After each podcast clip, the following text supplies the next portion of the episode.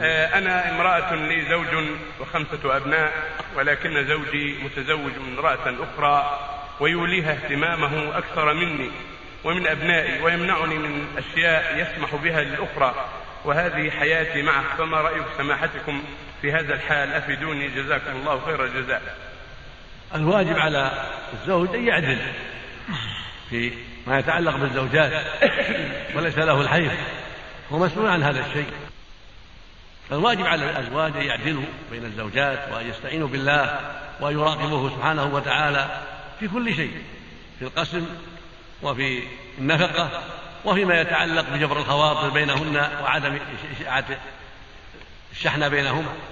هذا هكذا ينبغي للزوج يكون حكيما وأن يحرص على كل ما يهدئ الأحوال ويجبر الخواطر ويجعل الزوجتين فأكثر في راحة وفي طمأنينة من عدله وعنايته. وحسن خلقه معهم معهما جميعا. هذا هو الواجب عليه. وعلى الزوجات ينصح الزوجات أيضا بالتسامح في بعض الشيء وعدم التشديد وعدم التلقيف في الأمور. فإن من شدد لابد يندم لابد تفضي يفضي هذا التشديد إلى تحطيم الأسرة والعشرة بين بينهما إلا ما شاء الله.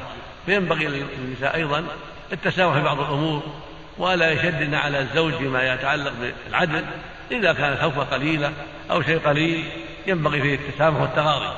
فلا بد من عناية من الزوج ولا بد من تسامح من الزوجات عن بعض الأشياء التي قد تقع من الزوج وقد يكون غير عابد لها وقد يكون مضطرا إليها والمرأة لا تزيد ثانية. فينبغي للمرأة أن تسامح في بعض الشيء حتى يحصل الوئام والتعاون على الخير.